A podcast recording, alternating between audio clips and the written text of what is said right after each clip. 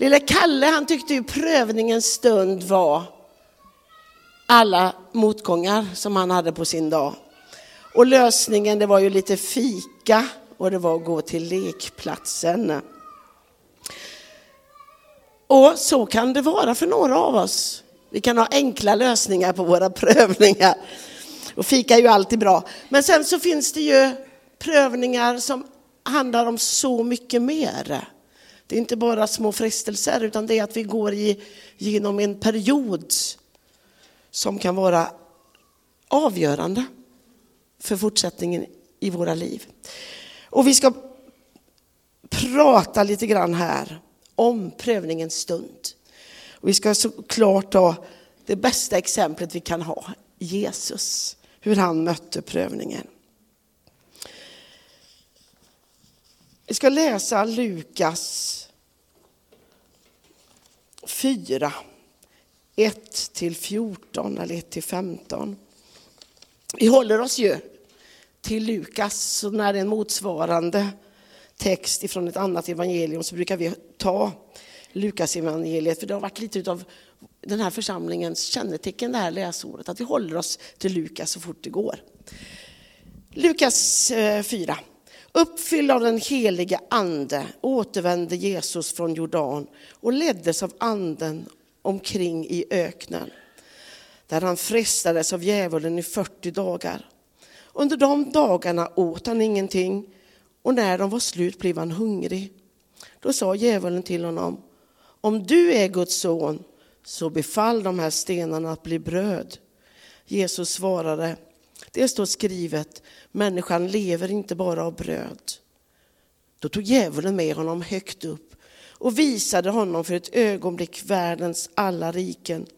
Och djävulen sa, dig ska jag ge all denna makt och deras härlighet.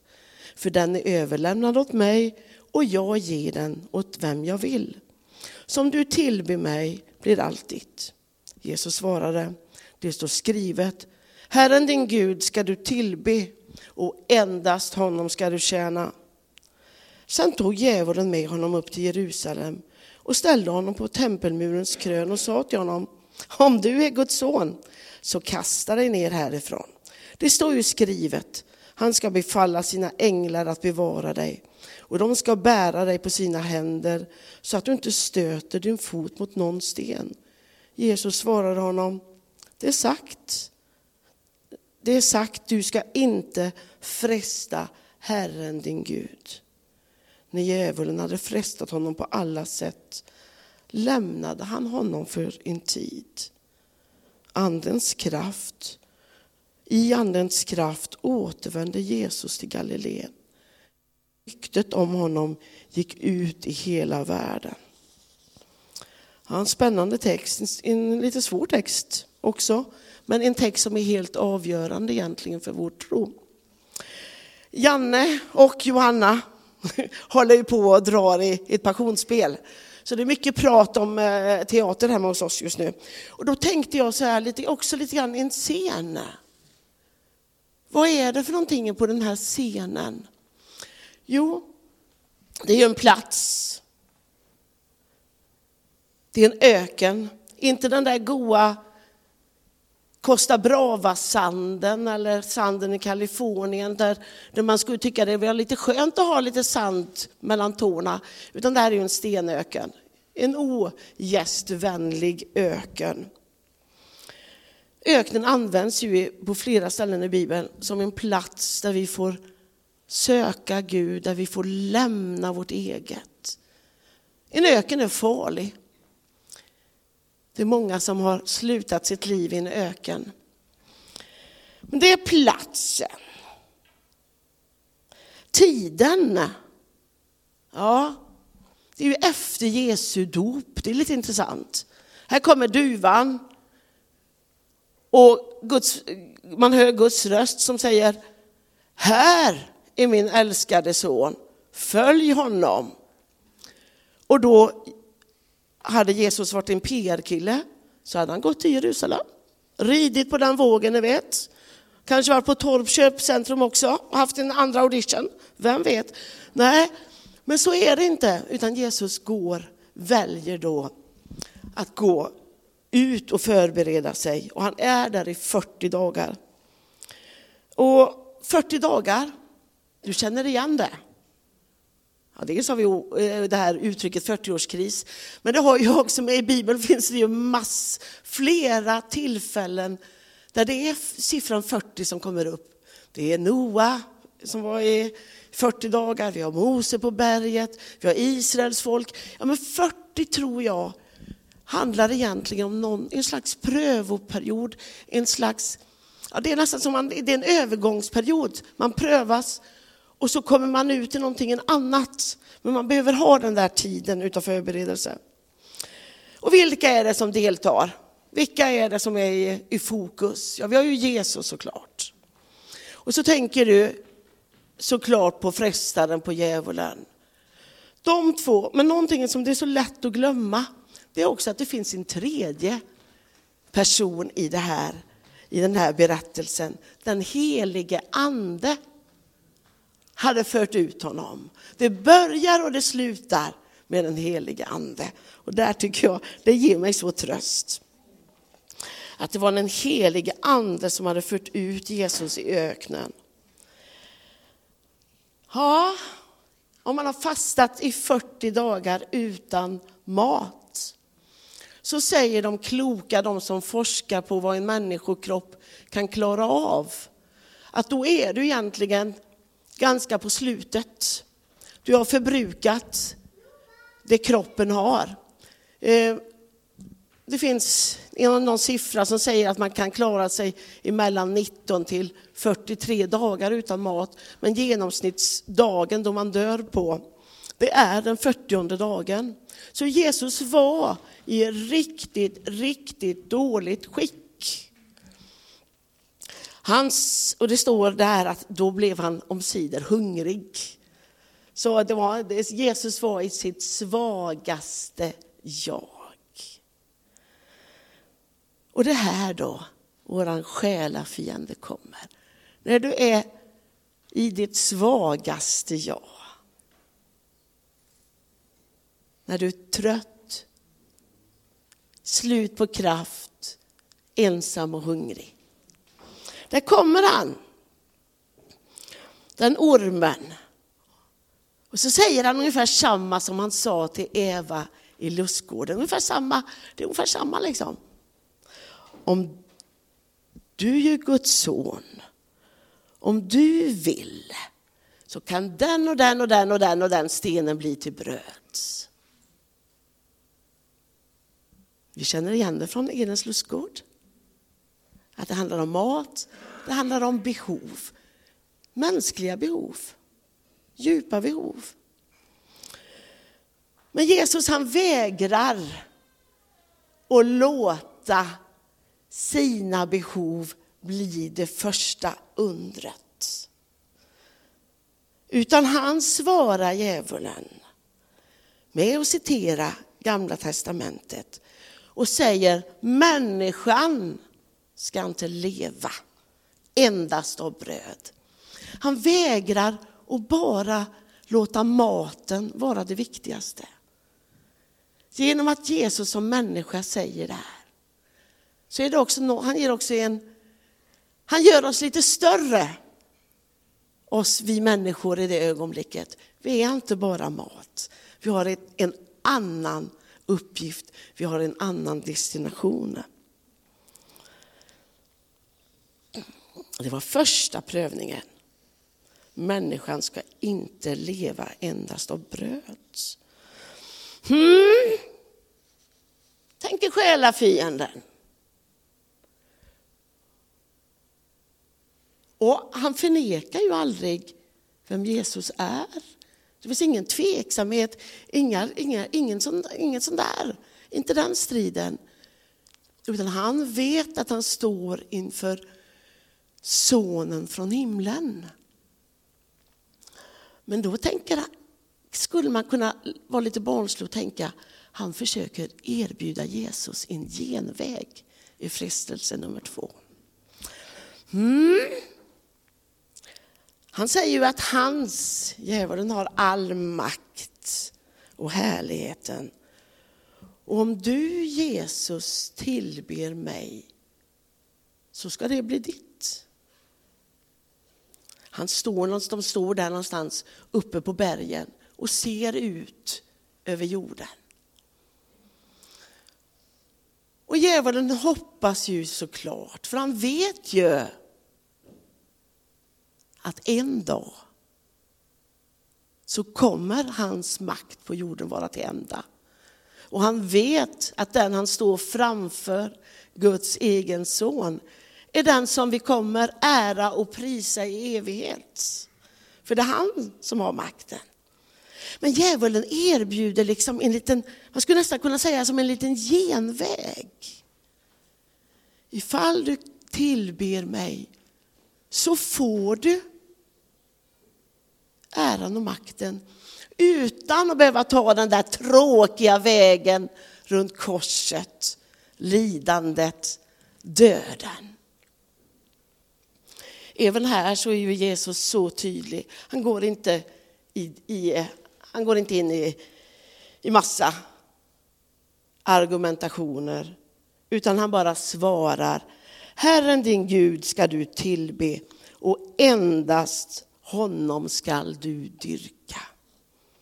Han visste att det fanns en väg som skulle kosta honom allt, men han var beredd att gå den vägen. Ha. Tredje prövningen då. En ny taktik. Även djävulen kan citera Bibeln. Nu blir Jesus förd upp på tempelmuren. Och så säger djävulen, ja men du är ju Guds son. Hoppa! Änglarna tar emot dig. Inget ont kommer ju hända dig. För du har ju en del i historien framåt att spela. Det kommer inte, du kommer inte dö. Nu tror jag Jesus blir riktigt irriterad. Om jag skulle sagt någonting på förskolans maner så hade jag sagt, nej nu räcker det. Men Jesus säger så här, du ska inte sätta Herren din Gud på prov. Nu är det nog. Och jag tycker det är lite intressant att ibland behöver vi tänka på att även när vi får ett bibelord i vårt huvud så behöver inte det betyda att det är ett bibelord som ger oss tröst, styrka, förmaning, att det ger oss liv. Här, vi vet ju att djävulen, så att säga, han citerar ju två helt olika, inte hela, inte hela bibelordet, men det finns där. Så vi ska, vi ska inte så att säga, vara för imponerade, utan vi ska se vad är det som sägs. Vad är det som Gud säger till oss? Så det här var på något sätt, det här var som tre stycken prövningar. Tre stycken uppkörningar. För den stackaren som ska ta körkort kan ju bli väldigt besvärligt. Men vi vill inte ha människor ute i trafiken som inte har klarat prövningen, eller hur? Nej, Jesus behövde göra de här prövningarna för att kunna gå vidare in i Faderns vilja. Men det som är så intressant är att Jesus han stod emot. Han, han ödslade inte så mycket kraft på argumentation, utan han bara stod emot. Och Bibeln säger att vi ska stå den djävulen emot på den onda dagen. För det kommer onda dagar emot oss, men det finns någonting i att stå fast, stå kvar.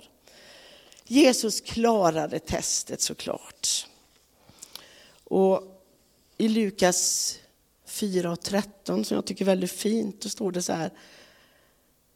Då lämnade han, djävulen, honom för en tid. Ja, det betyder ju inte att han inte kommer tillbaka, eller hur? När du har stått på den onda dagen, när du har stått i en prövning, så kanske du får, känner att ja, men nu har jag klarat det här, jag klarade mitt prov och du får lite frid. Och du känner att nu är pressen över, djävulen har lämnat mig. Men han kommer ju tillbaka för en ny prövning. I ett annat evangelium så står det någonting som jag tyckte också var helt underbart. Det är Matteus 4 och 11. Då lät djävulen honom vara och änglarna kom fram och betjänade honom.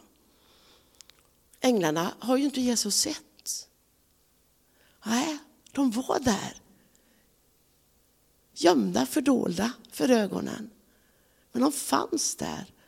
Och när han hade klarat sitt prov så kom de och gav honom kraft. Säkert gav de honom bröd. Och när du är i prövning, tänk då att du har någonting bakom dig. Du har någon bakom dig, vid sidan av dig, framför dig, som du inte ser, som är så mycket större. Och som hjälper dig att ta dig igenom det som du tycker är svårt. Ja, hur ser din prövning ut då?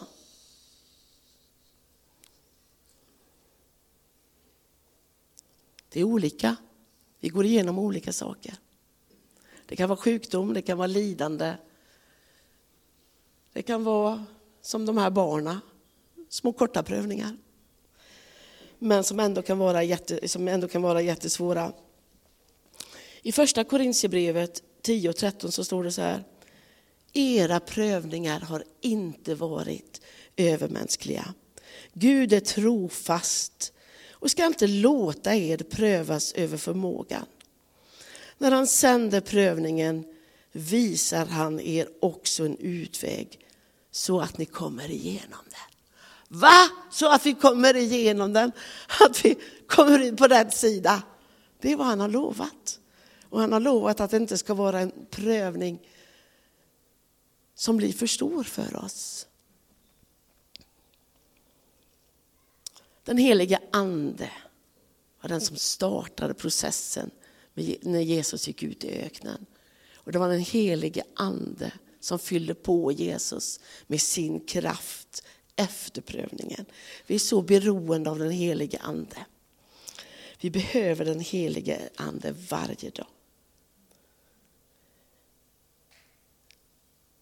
Nu är vi i fastan. En underbar tid. En tid då vi får lägga av saker. En del kanske har gjort löften till Gud. Jag hörde en gång ett barn som lovade att inte skulle slå sin, sin syster på hela fastan och då tänkte jag, det där kommer du aldrig klara.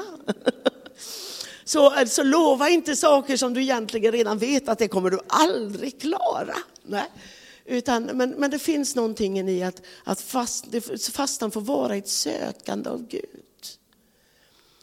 Där vi lämnar bort saker, men fastan är också en tid då vi får ta emot av Gud. Där vi får gå ut i öknen och låta en del av det där surret tystna. Och vi får stå där framför Herren och veta att han bistår oss med all den kraft vi behöver för att ta oss dit han vill ha oss. Janne och jag har hittat en gammal sång som lite har blivit, så jag tror kommer vara lite av våran fastesång. Jag har bett Janne sjunga den. Och jag uppmuntrar dig att gör den här sången du får texten också. Gör den här sången som en bön. Att den här tiden får det bli någonting mjukt i våra hjärtan. Att Gud får röra vid våra hjärtan under fastan. Han får lägga till och han får dra ifrån. För vi behöver den helige Ande. Amen.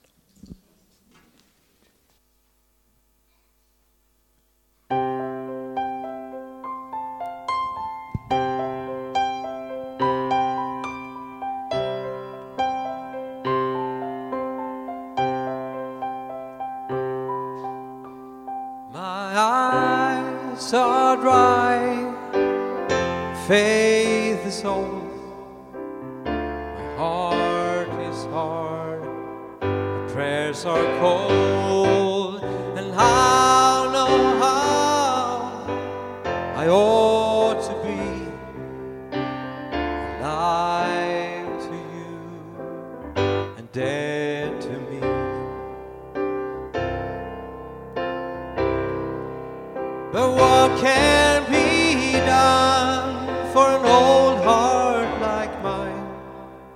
Soften it up with oil.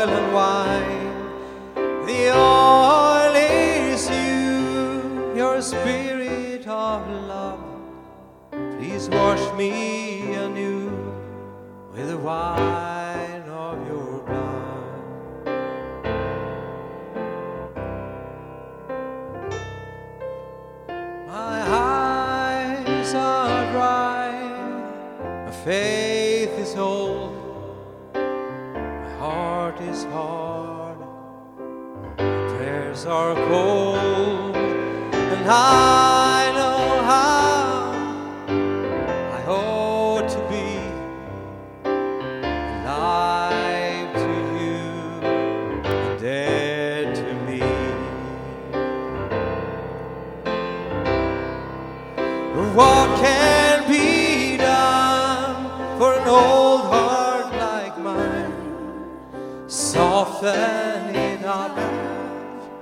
oil and wine. The oil is you, your spirit of love. Please wash me anew with the wine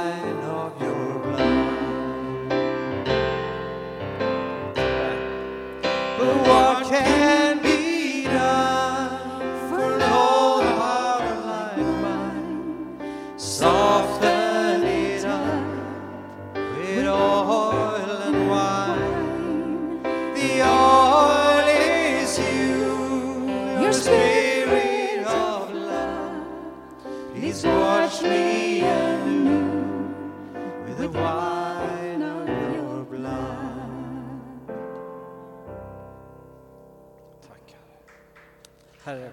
Amen. Herre, vi bara tackar dig för din, din olja, Herre. Tackar dig för ditt blod, Herre. Tack för renheten. Tack för bekännelsen också, att vi får bekänna våran svaghet och våran hårdhet och våran eh, det som vi behöver bekänna, Herre. Vi tackar dig för det, Herre. Tack för att vi får gå in i nattvarden just nu, Herre, och bara möta dig i det, ta emot dig för det vi behöver just nu i den situation vi står, Herre. Vi prisar dig, Herre.